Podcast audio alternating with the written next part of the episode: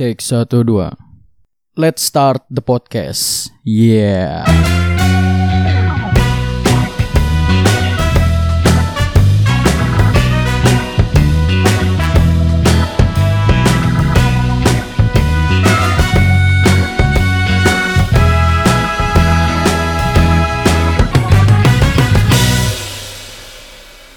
Yeay. Balik lagi.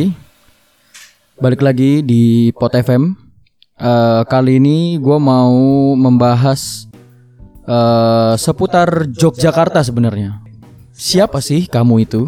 Eh, Sigit, Sigit Santoso. Clear? Gelarnya? Nggak usah lah. gua kalau bukan soal perkara ini ya, eh administratif kantor, gua nggak akan pernah nyantumin gelar di mana-mana. Oh gitu ya. Kalau sekalipun profesor? Iya, mau gelar lo apa juga kayak ya udah sih orang nggak perlu tahu lo PhD, orang nggak perlu tahu lo doktor. Iya sih. Ya udah gitu. Gimana pembawaan diri kita aja kan. Tunjukkan kalau memang kamu doktor ya pemikiranmu sebagai doktoral gitu kan. Nggak nggak nggak di bawah itu Ya. gitu. Ya Mas Sigit ini teman kantor gua di instansi pemerintah. Nah dia ini eh, udah di Jogja ini tahunan lebih dari lima tahun dan kebetulan kita record ya di Jogja pas banget gitu lagi di Jogja. Nah mungkin Mas Sigit bisa eh, sedikit bernostalgia karena ini kita lagi di Jogja. Ya, ini gitu recalling kan. bad memories sih sebenarnya. Recalling bad memory from senior high school. Mas, eh kerja di Bappenas dari kapan? Dari Februari 2019 ini. Februari 2019 ya. Yes. Sebelumnya tuh eh, kerja apa sebelum jadi PNS? Ya sebelumnya kuli-kuli lah. Iya. Kuli proyek, kuproy dong. Enggak. Enggak sebelumnya. sebelumnya gue ngajar. Ngajar. Kebetulan ini 25 November ya, gue mau ngucapin selamat hari guru juga. Itu kalian setidaknya pernah menjadi guru bagi orang lain. Yes.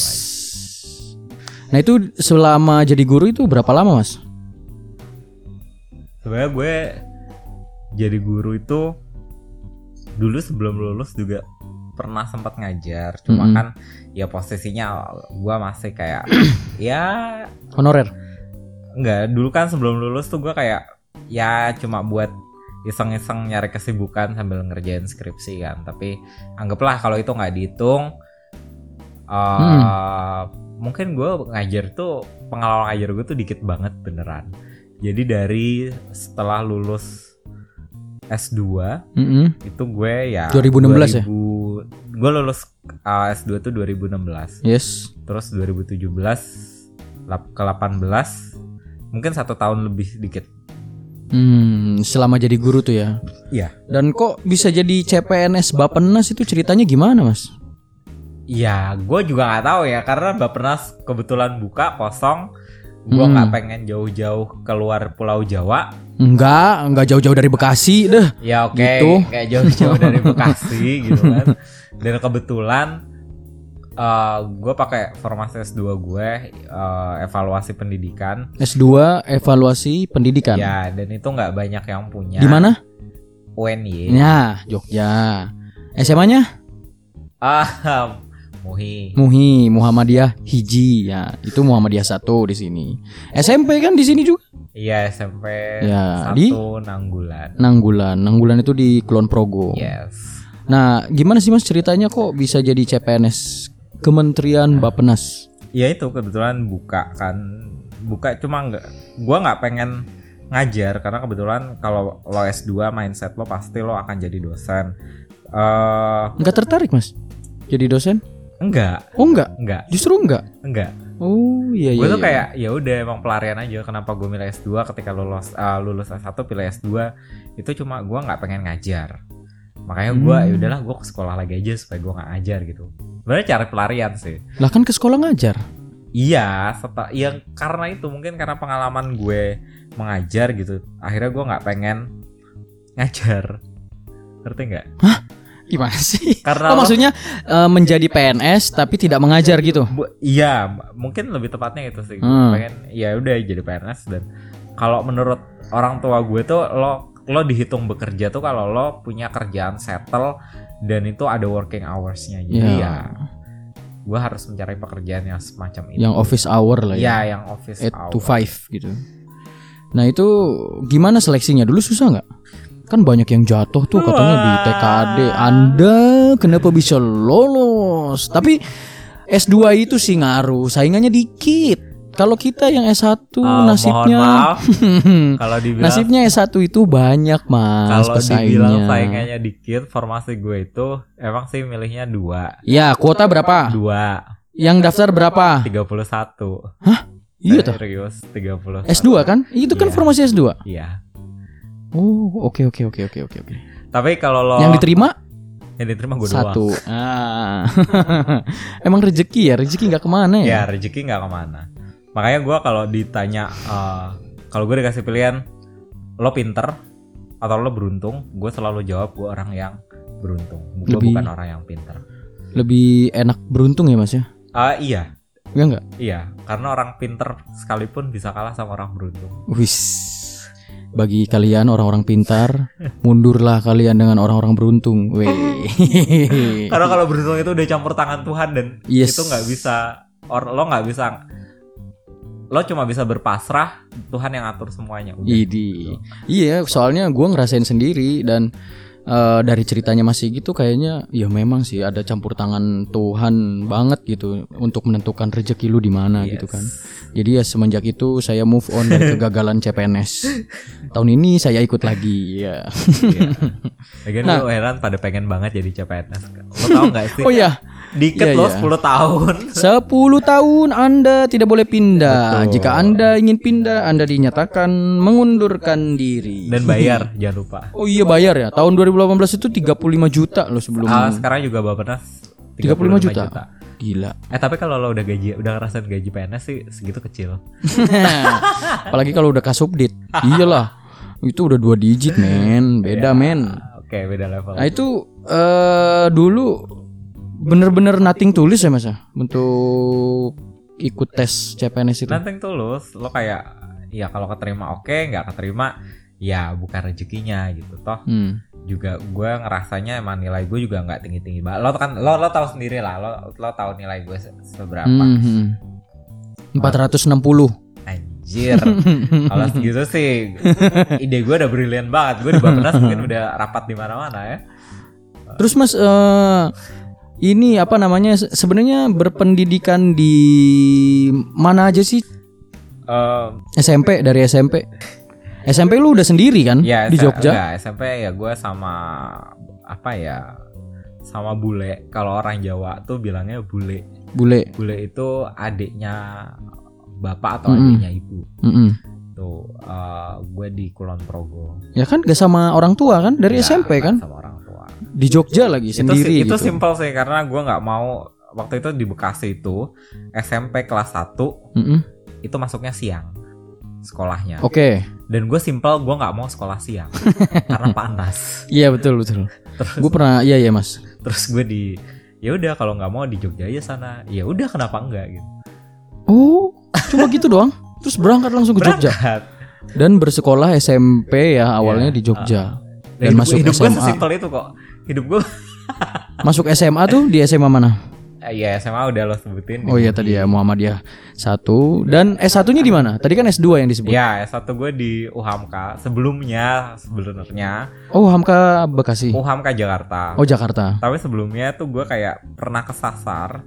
Jadi setelah lulus SMA, gue pernah keterima di isi Oh iya bener Mas Sigit pernah diisi. Berapa Gua- semester Mas? tiga semester, Ah terus? tiga semester di isi Hmm, tuh Eh, seni kriya. seni kriya. Terus tiba-tiba ke UHAMKA. Ya tiba-tiba di UHAMKA Jakarta. Dan balik lagi kan? Ya akhirnya S2-nya? balik lagi gue di Jogja Jogja. Di Jogja lagi di UNY. UN ya. Itu gimana sih kehidupan lu selama SMP udah sendiri, SMA udah Ngekos. SMA Gua ngekos. Oh SMA ngekos. Gue sama ngekos. Iya, gua aja ngerasain ngekos itu baru kuliah, Mas. Hmm. Jadi eh, awal-awal aja itu gue homesick seminggu nggak bisa tidur gila itu tapi setelah tugas yang membludak baru deh tuh gue bisa tidur nah lu udah ngekos dari SMA Udah jauh dari orang tua sih. ya dari udah SMP. intinya dari, SMP, malah. udah jauh dari orang tua kuliah balik sempat diisi juga Ah. terus ke UHAMKA terus ke UNY lagi Yes. ke Jogja lagi nah itu gimana mas Eh, ngerasain kehidupan SMP jauh dari orang tua tapi lu ada di kota yang dengan titel kota eh, nyaman gitu untuk Ah. pelajar gimana mas kehidupan lu waktu itu Gimana ya? Gue bukan orang yang secara akademik bagus. Mm-mm. Akademik gue tuh nggak bagus-bagus banget. Cuma ya kalau dibilang gue bego ya nggak bego-bego banget gitu. Hmm, ya eh sebenarnya ketika SMP lo jauh dari pengawasan orang tua dan waktu itu ya bule gue pun uh, punya kehidupannya sendiri pu- Mm-mm. punya anak-anaknya sendiri yang mesti yang harus diurus plus harus ngurus gue jadi ya kayak gue tetap gue tetap jadi anak yang apa belajar pada waktunya Pak. Uh, ketika waktunya belajar ya gue belajar ketika Mm. waktunya uh, main ya gue juga pengen dong main. Tapi eh ya karena jujur gue tuh orangnya introvert. Introvert. Mungkin banyak orang nggak percaya gitu. Masa sih masih gitu introvert? Itu banyak orang nggak percaya. Oh banyak ya? Banyak eh, kayaknya hampir semua teman gue nggak percaya gue introvert Iya nggak nggak salah gitu menjadi introvert apa masalahnya nggak apa-apa. masalahnya kali, Mas. mereka tuh nggak percaya mereka tuh ngira lo tuh pasti ekstrovert gitu karena gue kalau udah ketemu orang ngobrol itu pasti ngobrolnya bisa panjang banget Mm-mm. tapi kan bukan berarti itu itu ekstrovert, ekstrovert gitu. gitu kan. Iya, iya, karena iya. gue harus apa harus nyaman dulu gue baru bisa cerita sepanjang itu dan karena nature-nya gue itu memang introvert Hmm? Gue tuh ketika SMP ketika gue SMA di Jogja sekalipun gue emang nggak punya banyak temen jadi ya temen gue ya itu itu aja Mm-mm, betul. ya bener teman-teman gue tuh ya udah teman-teman SMP gue paling bisa dihitung jari 4 atau lima orang yang memang benar-benar dekat dari Mm-mm. kelas 1 sampai gue lulus Kelas 9 Ah, dulu sih ngomongnya 1 2 3 ya belum zaman kelas Emang iya ya? ya Zaman gue 789 cuy sih. zaman gue zaman tua cuy mohon maaf Nah terus gimana mas? Kehidupannya tuh waktu dari SMP menuju SMA sendiri di Jogja eh gini pas SMP tuh gue kayak masih terkontrol gitu karena gue masih punya bule gue kan ketika SMA gue di tengah-tengah kota dan gue ngekos Ya di Sleman kan itu ya? eh, Kota ya? Perbatasan? SMA gue sih di tengah-tengah kota Muhi itu perbatasan kan? Eng, ya mepet, Perbatasan. mepet, mepet. kosan Mm-mm, gue mm. dulu di daerah Monjali Buset jauh loh jauh Jauh, Memang lumayan. sengaja nyari yang jauh Oh Ya. biar bebas ya? buka Oh bukan biar ketemunya nggak dia lagi dia lagi lo bayangin dong lo sekolah di situ ngekosnya Mm-mm. daerah-daerah situ ya ketemunya dia dia lagi kan Iya sih nah gue tuh bukan Hmm. tipikal orang yang yang seneng kayak gitu gitu ya padahal gue introvert sih tapi ya gue nggak seneng aja. Tapi ada temen yang ngekos juga waktu SMA di Muhi. Di Muhi banyak. Banyak? di Muhi banyak. Karena waktu itu gue punya teman dari Sabang sampai Merauke. Hampir sih. Hampir dari Sabang sampai Merauke. Oh ngekos semua dia? Iya kebanyakan pada ngekos sih. Termasuk beberapa teman gue yang dari Cilacap. Terus teman gue yang dari Pontianak. Terus Hmm. teman gue yang dari eh, Parakan gitu. Terus ya banyak sih teman gue dari Pati dari Medan juga ada gitu.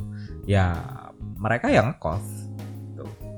dan jujur ketika gue dari SMP yang Deso SMP gue di gunung asli di gunung banget. Iya desa ya itu ya? Deso Kulon Progo kan memang desa. Dan gue dulu sekolah sekolah naik sepeda. Lo bayangin gue tuh dari dari orang yang sesederhana itu jet lag. Gue lo kaget dong dengan kehidupan eh, es- Kota. apa, kota gitu. Wah gila. Gue eh, sampai akhirnya eh, nggak lama dari situ gue berani dugem. Waduh. Ya pulang. Oh ini. Pulang ma- pulang malam bahkan Tapi SMA tuh mas berarti ya? SMA sekarang value gue keluarga jadi kayak Wih. gue lebih seneng ngabisin waktu gue sama keluarga gue. Keluarga tuh maksudnya ibu bapak ya. Gue Iya masih single iya. kok.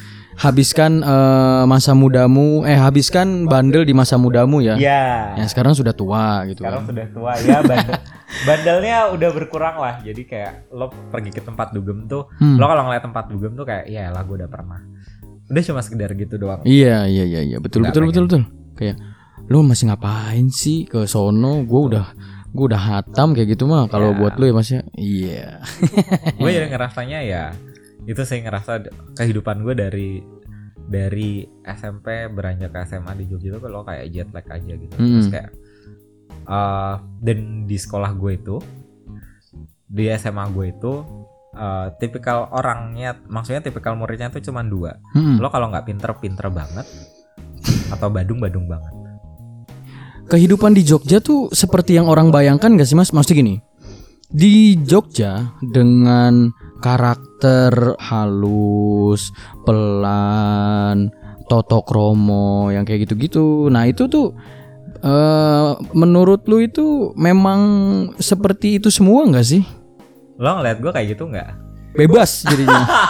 Bener gak sih anggapan orang-orang itu yang bilang kalau dimensi di eh, umur pelajar SMA itu tuh yang juga halus, totok romo atau yang eh, sopan santun. Tapi gue sih tahu kalau totok romo masih dipegang teguh gitu. ya Sopan santun iya. ya Tapi kalau halus, pelan dan yang hmm, gitu. Hmm, beberapa gini ya beberapa beberapa mungkin itu balik lagi ke pribadi dan pendidikan apa ya pendidikan pendidikan Dari orang tua. moral, Moral. dia di keluarga dia Hmm. seperti apa karena gue punya satu temen temen kuliah gue S2 dia itu eh, sampai detik ini kalau ngomong sama orang yang lebih tua itu pakai kromo inggil, nggak kromo halus Hmm. dan bahasanya sangat bagus. Meanwhile, gue tuh udah nggak bisa sama sekali kromo halus. Jangan kromo halus ya, gue bahasa ngoko aja.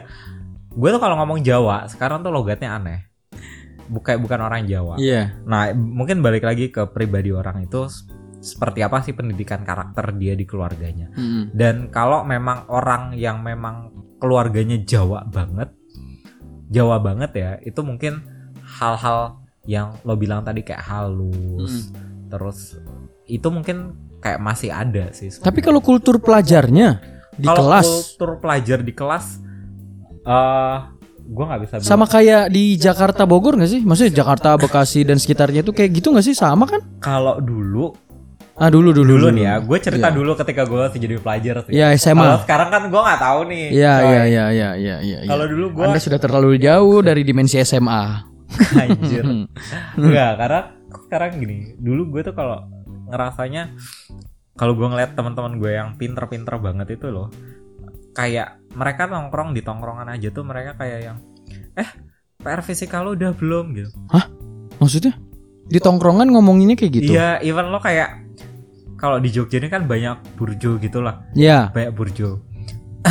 ya emang sih teman-teman yang pinter juga tuh kadang mereka suka nongkrong di burjo, Mm-mm. duduk gitu atau enggak misalnya mereka abis ekskul basketan terus uh, aus minum dulu di burjo gitu tapi tuh mereka sambil ngobrol enggak yang eh gila bro cewek lo anak mana nih sekarang eh kemarin gua abis jalan lo sama ini mereka tuh Mm-mm. udah ngomongin gitu. Iya iya. mereka ngomong eh fisikanya pak Gozali wes mbok garap purong Gitu.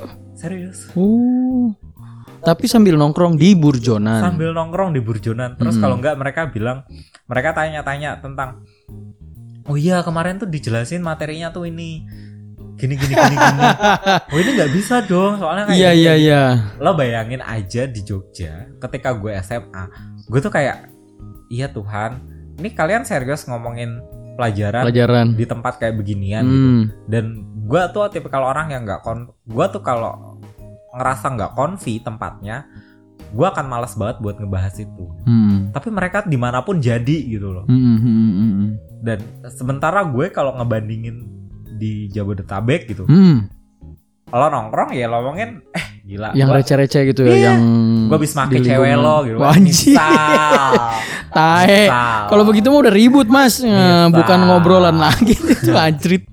misal ya jadi kayak yang beda bobotnya aja Hmm. menurut gue ya mungkin itu yang bikin Jogja ini kota pelajar satu lagi satu lagi sih sebenarnya gue Hmm. kayak punya satu satu kesimpulan Oh berarti asumsi lu itu pertama alasan pertama kenapa Jogja kota pelajar adalah di mana pun sudut kota Jo bukan kota Jogja DIY ya itu untuk berdiskusi tentang pelajaran. ya nggak cuma pelajaran aja sih mungkin hal-hal yang bo- berbobot lah di Akademis Iya. dan non akademis. ya ba- baik akademis dan non akademis yang penting berbobot Iya iya. kedua iya. eh, kayak lo bisa temu- misalnya gini rumah lo di gunung Mm-mm. bapak lo petani Mm.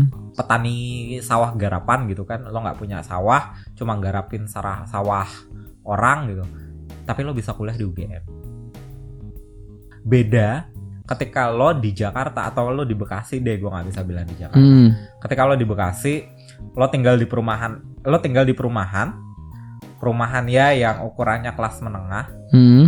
Di garasi lo ada mobil bokap lo karyawan Mm. nyokap lo karyawan Mm. anaknya nggak kuliah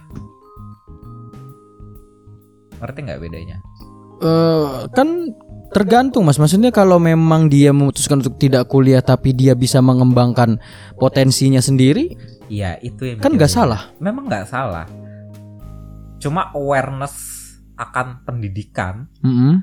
Bagi orang yang memang benar-benar orang Jogja Mm-mm. itu awarne- wa- Tinggi ya? awarenessnya memang benar-benar Hmm, tinggi Iya iya iya iya. bagaimana mereka punya prinsip bahwa dengan pendidikan mereka bisa merubah uh, status sosial mereka dengan pendidikan bisa meningkatkan derajat dan martabat mereka keluarga. martabat keluarga dan itu benar-benar mereka pegang teguh gitu loh itu yang menurut gue bikin Jogja ini beda Kota pelajar. iya Tapi mas satu pertanyaan, pernah nemu nggak Jogja? eh, maksudnya siswa di Jogja tawuran. Eh, mohon maaf SMA gue sering banget tawuran Hmm. nah itu itu lu nemuinnya intensitasnya sering nggak? Maksudnya seminggu lu temuin empat kali, lima kali gitu loh. enggak sering sih cuma kayak enggak tiap bulan atau enggak schedule tiap berapa bulan sekali gitu enggak cuma eh, pernah beberapa kali nemuin dan enggak besar kok maksudnya cuma permasalahan si A dan si B Mm-mm. punya perkara Terus? terus ya saling serang udah selesai tidak Atau ini mas, yang event kayak yang rame itu di Gor apa sih itu Gor apa sih namanya? Go Among Rogo ya? Eh bukan Among Rogo. Eh Among Rogo ya, yang deket Skridosono. Ah, Ya Among Rogo ya. Ya. Nah itu kan suka banyak event-event SMA di situ. iya Sering lihat tawuran. eh kayaknya anak muhi aduh gue sebut nama lagi kayaknya gue nggak tahu deh kalau itu maksudnya karena kan itu banyak banget ya kita gua nggak bisa bedain yang mana si A sekolah di mana si B maksudnya Hmm. yang tawuran itu Iya ah, tapi kan student in general gitu. ya Pernah sering lihat berarti? kalau sering lihat tuh enggak Enggak. kan gue anak rumahan Is. Bisa aja pencitraan. Stop pencitraan Anda. Ya tapi eh, berarti di kota yang bertitel kota pelajar ini ya tetap juga ada yang kayak di Jabodetabek tawuran begitu Iya. kan.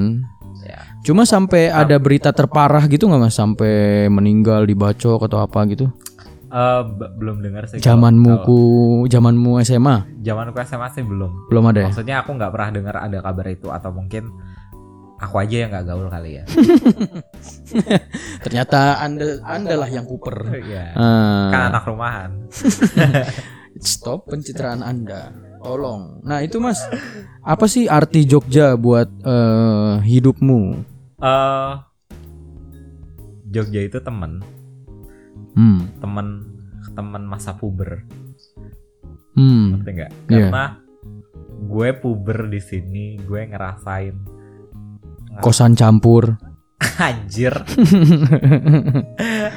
eh gue rasain beberapa beberapa iya pokoknya apa yang segala first time soal puber Oh. di sini Di Jogja. yes my first kiss my Wow. first Hmm. kalau lo Hmm. percaya Nah, terus bener gak kalau sudut-sudut DIY itu memang romantis? Bener gak sih? Yang kata orang-orang itu di Jogja itu banyak sudut Jogja dan dan itu romantis. Bener gak sih? Ah, kalau gue pertanyaannya gue balikin lo kan pernah di Jogja Hmm. suka kalau lagi bengong gitu suka keingetan Jogja nggak Iya sih. Iya. Iya. menurut gue romantis itu bukan dalam arti eh Banyak orang yang bilang gini loh, gue pengen banget lah ke Jogja lagi. Kalau bisa balik lagi, gue ke Jogja lagi. Iya. Termasuk aku gitu. karena itu terikat sama kenangannya bukan romantis itu tuh romantisnya sudut Jogja itu romantis romantis itu kan misal Mm-mm. orang selalu mengeneralisasikan bahwa romantis itu adalah hal yang antara gue misal dengan si wanita itu Mm-mm. lakukan misalnya kita bergandeng tangan romantis di sudut Jogja bukan Hmm. cuma romantisnya tuh romantis adalah hubungan kita dengan Jogja ini sendiri Hmm. kita Oh, pernah gitu. punya memorable apa memori uh, kita pernah punya kenangan apa sih sama Jogja di Iya, sudut iya ini. betul mas. itu ad- uh, maksudnya yang bikin Jogja ngangenin yang bikin Jogja uh, dirindukan adalah tiap sudutnya itu kita punya kenangan di dalamnya kenangan kita dengan Jogja entah itu di dalam kenangan kita dengan Jogja itu entah kita dengan teman kita Mm-mm. entah kita dengan siapa Mm-mm. atau kita sendiri secara personal pun kita punya Iya mas. Jadi waktu itu waktu kuliah itu menurutku tuh eh, kita dengan teman-teman itu berromantis ria di kopi Merapi sana di kaki Gunung Merapi Hmm. itu. Ya nggak sama pacar nggak bukan. memang Kita justru berromantis rianya sama temen gitu, Ya. Rame-rame dan apa ya? Aku juga bingung sih. Eh, maksudnya definisi romantis itu ya jelas romantisme bersama teman-teman selain dari pacar Ya. gitu kan. Ada banyak yang wisata misalnya tebing breksi, kebun buah mangunan. Itu kalau sama pacar ya enak juga sih, tapi sama teman-teman pun seru gitu. Dan di Jogja itu tuh romantisnya bukan cuma tempat doang, tapi event kebudayaan tuh Iya. banyak banget kan? banget Ya Kayak, itu. Kalau gue sih tempat paling romantis di Jogja buat gue Iya, buat kamu tempat paling romantis di Jogja apa? uh, Di mana? pantai sepanjang Itu di mana? Gunung Kidul. di Gunung Kidul dan oh, gue ke sana dari tahun udah dijamah belum? Sekarang. udah udah, Udah ya? gue ke sana itu dari sebelum dijamah sekitar tahun 2003 Us. Yes. Itu SMA. 2003 itu gue SMP kelas 3 Anda SMP kelas 3, saya kelas 3 SD. 2003 Nah, jauh. SMP kelas 3 dan gue udah ngerasain sepanjang Hmm. Uh, karena waktu itu gue diajak kakak gue uh, kakak gue sama teman-temannya oh, mampir pantai sepanjang oke 2004 ketika gue SMA Hmm. gue ke sepanjang sendiri Hmm. Lo Naik- bayangin apa? naik Motor. motor. Motor. naik motor gue sendiri dari tengah kota Jogja dan it takes two hours Iya, perlu kalian tahu Iya. itu kalau ke Gunung Kidul dan Jauh ke banget. pantainya itu membutuhkan waktu kira-kira satu setengah jam sampai dua jam kan mas? jam. Iya. Dan kamu dan gue SMP, dulu SMA SMA oh SMA, SMA itu gue kayak gue harus bangun setengah enam supaya nyampe pantai nggak terlalu panas dan sendiri. dan itu sendiri dan gue ngerasa romantis aja di pantai lo bener-bener nggak ada siapa-siapa kayak pantai itu bener-bener milik lo sendiri Iya betul. dan gue ngulangin itu lumayan lama sampai sekitar tahun 2000 sampai gue diisi pun gue masih ngulangin Hmm. sampai 2010 gue udah ke sana cuma ngerasa nggak nyaman karena ternyata udah dibangun Ini kali ya udah dibuka jalan ya untuk wisatawan. eh dibuka jalan sebenarnya dari zaman gue ke sana emang udah dibuka jalan Hmm. cuma nggak banyak orang notice Iya iya iya. begitu gue 2010 apa ya 2010 apa 2009 gitu gue ke sana tuh udah kayak yang lo udah ada pendopo pendoponya lo udah ada tukang parkirnya Hmm. udah ada tukang jualan pop mie keliling ya Hmm. gue udah ngerasa nggak nyaman Oh, udah mulai rame ya. Udah mulai rame, Iya, itu gua- salah satu sifat introvert juga kan kalau udah rame males banget dah Iya. gua di situ Hmm. gitu kan. dan gue ngerasa kayak ya romantis gue hilang deh Iya mas, gue pernah kayak gitu juga, eh, tapi nggak jauh-jauh. Maksudnya boring nih di kosan sendiri kan, nggak ada kegiatan. Ya udah gue ke Bukit Bintang tau kan mas, Bukit Bintang. Oh. Nah itu cuma cuma ngopi sama apa ya ngeteh, udah. Abis itu abis itu pulang, Jogja itu kelihatan dari atas. Kalau di Kopi Merapi kurang kelihatan, tapi kalau di Bukit Bintang itu kelihatan banget gitu kan. ya Nah itu memang memang benar sih mas. Jadi eh, romantisme kita dengan Yogyakarta itu justru memang Jogjanya itu sendiri Iya. gitu. Dan ditambah keramahan orang-orangnya, sopan santunnya masih tinggi sekali, Lo lihat gue aja. ramah tamah, terus murah senyum, rajin. Wah, Gila, itu aduh, ciri-ciri gua positif banget sih. gila, gila. Dan itu semua ada di Mas Sigit gitu kan. Terima kasih Gila, gila, gila, gila. Mas, Jogja sekarang di matamu gimana? Aku ngerasa banyak berubah sih. Ibarat kata kalau lo pacaran sama Jogja, Hmm? terus tiba-tiba lo harus LDR sekian tahun Oke, cakep nih analoginya. Iya, iya, iya. Dan komunikasi lo terbatas cuma gitu-gitu aja Heeh. dan kita kalau balik lo cuma bisa ngomong ternyata kamu berubah. Enggak karena gua ngerasanya apa ya? Ketika lo ngerasain jalanan Jogja sekarang tuh kayak gila ya jalannya nggak nggak ada bedanya sama gue di Bekasi atau nggak ada bedanya sama kayak kayak di Cinere gitu Hmm. nggak ada bedanya gitu karena sama-sama kadang macet dan macetnya tuh udah ternyata lebih parah ini sih lebih parah sekarang ya iyalah makin padat Pembangunannya lah lebih padat ya. Ah, pembangunan iya kalau dulu kayaknya hotel nggak sebanyak ini dan Sebanyak nggak sekarang. setinggi sekarang sekarang ini kalau dulu kan tinggi bangunan itu dibatasi Iya, Tinggi untuk bangunan tidak dibatasi. melebihi keraton kan. keraton kalau sekarang rasa rasanya kok bebas banget gitu Sampai ada ini kan, maksudnya ring road itu udah sangat lebar loh. Tiba-tiba dibangun underpass lagi tuh baru tuh di Kentungan kan. ya Berarti kan itu ada volume yang berlebih gitu. banget makanya ini eh, awal-awal sih kan dulu dibangunnya ini dulu kan yang di jalan Jombor. ya di Jombor ke jalan Magelang itu juga kan Hmm. dibangun nah itu kan memang kalau dulu itu hektik banget sih sebenarnya Hmm. makanya kenapa dibutuhkan itu karena kan banyak yang laju dari Magelang. Magelang dan Muntilan untuk kerja di Jogja Yes, betul. Gitu. terus akhirnya ya udah pemerintah Jogja memutuskan untuk membangun itu Jombor. Untuk Underpass, iya, Jombor. underpass dan flyover sih tapi ya kan underpass Ya, flyover ada. Fly- underpassnya ada flyovernya ada. ada. itu jalan bertingkat berapa kali deh. Tapi mas masalah bukan masalah, tapi itu ada di Jogja gitu. Ada flyover ada Iya, dan menurut kan menunjukkan Jogja itu maju. maju memang tapi kadang apa ya aku sebagai orang yang pernah tinggal di Jogja tuh Oh. nggak pengen Jogja mau Jogja maju cuma mbok jangan terlalu ma- gimana ya Enggak maju tapi tidak eh, mo tidak terlalu modern dan mempertahankan kultur kali apa Ya, gimana? sebenarnya kalau kultur tetap ada nilai-nilai itu kan tidak hilang Ya jadi hilang. tapi kan ya hanya tidak ditunjukkan secara publik aja gitu. Kalau dulu kalau dulu nilai-nilai itu sangat ditunjukkan pada publik. Contoh, eh, dulu bahkan gue sering banget ngelihat eh, simbol-simbol atau mbah-mbah naik sepeda Hmm. di, di mana? Ya Di Jalan Kaliurang. Di jalan-jalanan Jogja lah. Iya iya. gue iya. sering banget ngeliat kalau sekarang kalau sekarang kamu di Jalan Solo aja, Mbah-mbah numpak sepeda ya naik- diserempet udah diserempet.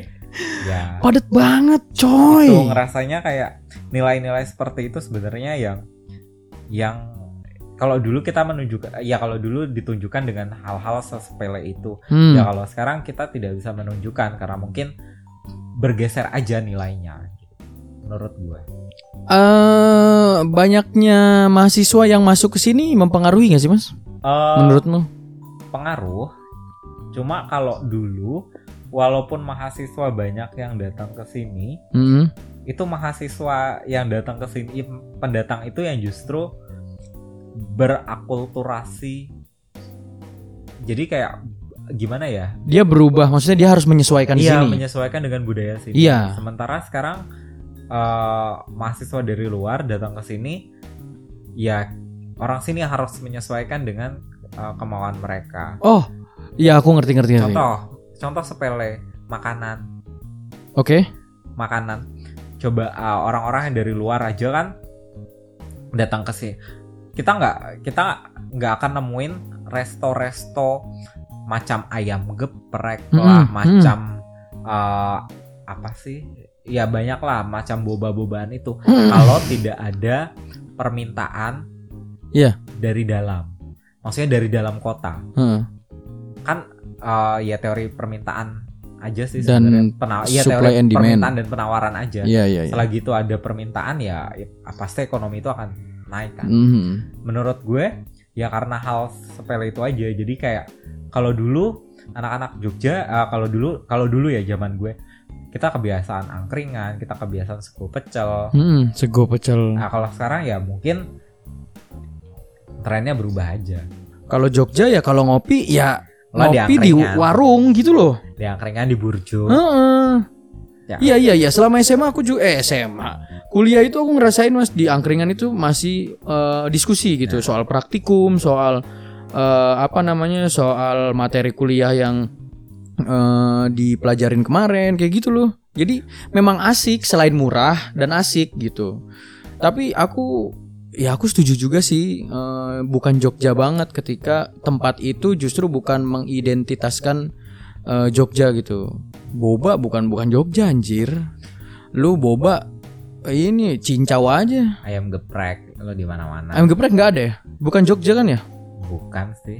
Jogja tuh ya dari dulu kalau lo makan pinggir jalan dari zaman gue ya penyetan. Tapi SS itu berasal dari Jogja loh mas. SS dari Jogja. SS perjuangan itu. Wah, gue makan SS tuh dulu masih kedainya kecil banget di Jalan Kaliurang. Bukan kedai malah itu. Iya, lesehan. Pinggiran jalan, Iya, lesehan. lesehan. SS betul betul betul. SS itu dari Gua Jogja. ngerasain kok. Nah, sambal Hmm. petainya enak sih. Iya emang enak sih. Dan dia menjamur akhirnya. Maksudnya dari Jogja justru keluar, tapi juga dari luar masuk ke Jogja. Pada akhirnya Jogja penuh gitu. Tapi totok romo sama sopan santun memang dipertahankan sih, Kalau sangat-sangat dipertahankan. Anak gaul yang berasal dari Jogja juga sopan santun tetap dipertahankan, cuy. Ini kayak gue nih anak gaul Jakarta Oh sama. kan Ini kan kita eh, record ini kan sambil duduk, tangan di meja, rapi kan. Ya rapih pulang duluan ya. Emangnya sekolah apa rapi pulang duluan? Boleh, ya itu tadi balik lagi ya, boleh maju asalkan sebenarnya tidak meninggalkan kultur-kultur yang sebenarnya jadi identitas Jogja itu. Jogja itu sendiri, iya. iya. Karena kamu merasakan eh, SMP itu ya Jogja yang bukan Cuy, sekarang kan. gue SMP pakai sepeda ontel, cuy. Hmm. Lo bayangin. Iya iya iya iya iya. Berarti udah merasakan kesederhanaan sebelum eh, hektiknya perkotaan di Jogja gitu. Ya, ya. sebelum lo berfoya-foya gitu, gue udah ngerasain sederhana. Berfoya-foya. Oke. Oke, berfoya-foya, berfoya-foya. di mana pun lo berada di sudut Jogja, lo tuh pasti akan selalu mendengarkan orang-orang bicara hal-hal yang berbobot. Materi, Ya, subs ya substansinya. ada. substansi. Uh, yang kedua, awareness orang-orang Jogja ini terhadap pentingnya pendidikan itu ya tinggi. Tinggi. menurut gue. Kalau aku boleh tambahin Mas, kenapa kot Jogja adalah kota pelajar? Kalau sepengamatanku itu, kenapa Jogja adalah kota pelajar? Itu karena bentang alam Jogja sangat komplit. Mulai dari utara Gunung Merapi sampai selatan adalah pantai, di timur itu perbukitan, Mhm. di di barat itu juga ya sedikit perbukitan lah. Nah, Di barat perbukitan semua. iya di Kulon Progo kan? Ya perbukitan. Eh perbukitan ya, iya iya iya. iya. Nah, karena bentang alamnya yang komplit, jadi bencana alamnya juga macam-macam. semua. Mhm. Nah, kalau kalau aku bilang di Jogja ada berapa universitas negeri? Ya kita eh, membandingkannya dari jumlah universitas negeri deh. Jogja ada berapa? UGM, UNY, UIN, UPN. Lima. Isi, Isi. ya kan? Udah. Ya, Di- katakan di Bandung, Bandung juga banyak loh. banyak. Unpad, ITB, eh, UIN, sama UPI. UPI, Pol Polban, Emang ada? ada. Oh, Polban, ada. Polman, Polman tuh apa? Politeknik Manufaktur, Di Bandung. Itu negeri. negeri. Buset, 6. Kalah malah Jogja. Tapi Jogja lah yang disematkan sebagai kota pelajar. Nah menurutku karena bencana alamnya macam-macam nih. Apalagi 2014 aku kuliah itu. Oh mas 2014 di mana? Jogja nggak? Enggak. Enggak ya? Aku 2014 di Jogja. Jogja itu jadi kota mati, Mas. 2014. Iya. Langitnya orange. eh nggak ada kegiatan di situ gara-gara abu gunung Yes. dari Kelut loh ke Diri. Nyampainya ke sini gitu. Loh, kita pas itu mau kuliah Mas aku, Mas, jam 7.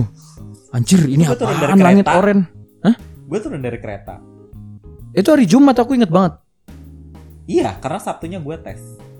Tapi dengan kondisi abu. Iya. Iya. Wah, anjir, aku aja nggak keluar kosan gara-gara abu kelut itu. Aku tes. Ingat kok. Eh, jadi apa ya? Jogja ini tuh memaksa orang-orang di dalamnya untuk survive dari bencana alam. Nah, makanya butuh pendidikan yang berkualitas dan setiap saat bencana alam di sini bisa terjadi. Merapi tiba-tiba kemarin Ah, mau eh apa batuk. Terus juga banjir di selatan. gempa. Terus ah gempa. gempa. Yang sering tuh gempa. Air bah juga pernah kan di selatan Oh, di iya. Bantul. Nah, jadi membuat Jogja itu harus survive dengan sumber daya manusia yang ada di situ. Nah, di samping itu juga event-event kebudayaan banyak banget ngayog jazz, Prambanan jazz, eh, Borobudur jazz, eh, terus Sarkem jazz. Emang ada jazz, sarkem jazz. gue mikir loh. Ya kata ya kali aja ada kan setiap jam 9 malam Sarkem itu Bunyi. jazz gitu. Iya. Jazz. Jazz gitu. Jazz, Mas. Jazz mas, ya, no mas gitu kan. Nah, eh, event-event kebudayaan itu banyak banget gitu. Apalagi festival-festival, wah banyak banget. Ya. Dan orang-orang yang punya passion di bidang seni memang di sini sih eh, tempatnya, tempatnya. Ya kalau lu dari Jawa Barat gitu, ya ke sini tetap bawa nama Jawa, kejawaan, lebih ke Jawa Tengah ya, eh ke, ya ke Jogjaan lah Iya, iya. nggak bisa ke barat apa Jawa Barat dibawa ke sini itu mentah-mentah nggak bisa tapi bisa berkomunikasi lah ya ya gitu mas berarti Mas Sigit di Jogja udah berapa lama Ya lama banget sih. Berapa? Tiga, tiga tambah tiga kan enam, 6 enam. kuliah Isi- 3 ya isi- dua isi satu oh ya isi satu setengah tujuh setengah Tujuh setengah, tujuh setengah sama kuliah gue dua tahun. sembilan setengah Ya, almost 10 tahun. ya dibanding saya yang cuma empat tahun gitu Ya gue ngerasain dari berbagai zaman sih. Maksudnya dari zaman yang Jogja nggak enak. kali milk aja tutup mas tahu nggak Oh iya tahu kok. Kapan gue lewat? Nggak tahu sih. tutup. itu kenapa tutupnya Ya gue bahkan dari Kalimil belum ada buka sampai sekarang tutup. Ya gue ngerasain. Oh iya, dia aku juga nggak tahu sih kali ini tutupnya Gue dari sejak kapan lo udah tau lembah UGM? Lembah UGM. Iya lembah. Ya lembah UGM kalau sekarang kan buat parkiran tuh enak. Hmm, Ya zaman gue kuliah S2 kan itu buat parkiran enak. iya iya lembah. Lo tau dulu buat apaan? Buat apaan? Buat pacaran sama esek-esek tau. gue Oh, jogging dulu- di situ gue nemu Oh dulu ala anjir. ilalang gitu. Iya, kan bawahnya ada lapangan tenis. Iya iya iya iya. iya. Nah itu tuh suka kalau lo malam minggu, Hmm. lo sering dipakai buat pacaran dan enak-enak di bawah situ. Hmm. Nah, pokoknya selalu udah ada motor di atas gitu, nggak ada Orangnya nggak ada. Ah. Nah, itu udah pasti meninggalkan jejak deh tuh. Meninggalkan serpihan cairan. Ya, Mas terakhir, Jogja masih nyaman nggak? eh buat sekarang 50-50. 50-50 Apa sih. kebanyakan gak nyaman ya? Gue ngerasanya kayak gue ngerasanya kayak gue nggak pulang. Gue ngerasanya kayak gue nggak pernah. Kayak ke kota-kota lain lah ya. Iya kayak kayak bukan gue pulang. Gitu. Iya iya iya. Harusnya kan kamu kalau ke sini kan ya berasa pulang kan karena kamu besar di sini. ya kayak ya sama aja bener kata lo kayak gue ke Surabaya kayak gue ke Bandung kayak gue ke Makassar kayak gue even gue ke Bali kayak gue ke apa mat apa Mara- Mataram ya udah menurut gue ya akan Harusnya ke Jogja rasanya beda. harusnya ke Jogjanya tuh feelnya jauh lebih dalam Mhm. lo jauh bisa lebih relax tapi gue kayak kehilangan itu aja sih Hilang ya. Ya ya semoga apa Jogja. mungkin gue udah karena semakin lama semakin tua kali ya Ya enggak lah, justru kalau semakin tua eh sensitivitasnya jadi lebih tinggi gak sih? Apalagi misalnya punya kenangan di Jogja, your first time in everything gitu. ya Iyalah, semakin tua justru malah makin inget gitu loh. Bukan justru malah makin lupa. Ya semoga Jogja eh mungkin anak gue juga bakal gue iniin di Jogja mas soalnya. kuliah di Jogja. ya sih karena banyak orang yang ngimpi Iya, nah banyak loh mas yang kuliahin anaknya pengennya tuh di Jogja karena lebih kondusif. Bener gak sih? ya karena pengalaman mereka juga mungkin misalnya orang tuanya orang tuanya kuliah di Jogja terus ketika uh, sekarang anaknya anaknya kuliah di Jogja Hmm. ya sama aja kayak zaman orang tua gue juga kan gitu Hmm, bokap hmm, bokap gue kan juga kuliah di Jogja begitu selesai Ya. anak-anaknya semua Ya mas, terakhir mas, apa harapannya buat Jogja nanti ketika kamu di umur 50 tahun? eh Even kamu 50 tahun itu lima berarti tahun 20 lagi. Dua- anjir 20 tahun Eh, berkembang boleh tapi, Tapi? aku pengen budayanya tetap jadi yang nomor satu Hmm, hmm, hmm. tetap budaya yang diutamakan Tetap. Tetap kulturnya dibuda, dipertahankan. modernisasi, eh, banyak kok negara-negara di dunia ini yang berhasil memadukan antara modernitas dengan culture ya Culture asli. Jepang, Korea, Asia Timur itu banyak banget yang berhasil Hmm. dan jangan sampai hanya karena modernitas Jogja terus kehilangan uh, kulturnya Jogja kehilangan identitasnya Hmm. Ya itu semenggal cerita dari orang yang sangat lama di Jogja, sekitar hampir 10 tahun. Dan kebetulan memang teman kantor gua, jadi soalnya orang-orang yang di sekitar gua yang di Jogja jauh semua, jadi jadi Hatinya ya susah. jauh ya. Mm-mm. Waduh. Ya, aku juga punya kenangan lah. Pahit juga di sini kan. Itu sepenggal cerita dari Mas Sigit. ya semoga memberikan makna ya kalau nggak ada maknanya jangan diberikan lah ya ya kalau nggak ada makna ya nggak diserap gitulah Iya. Ya eh, thank you buat yang udah dengerin. Salam Jogja. Salam kopi merapi. Salam budaya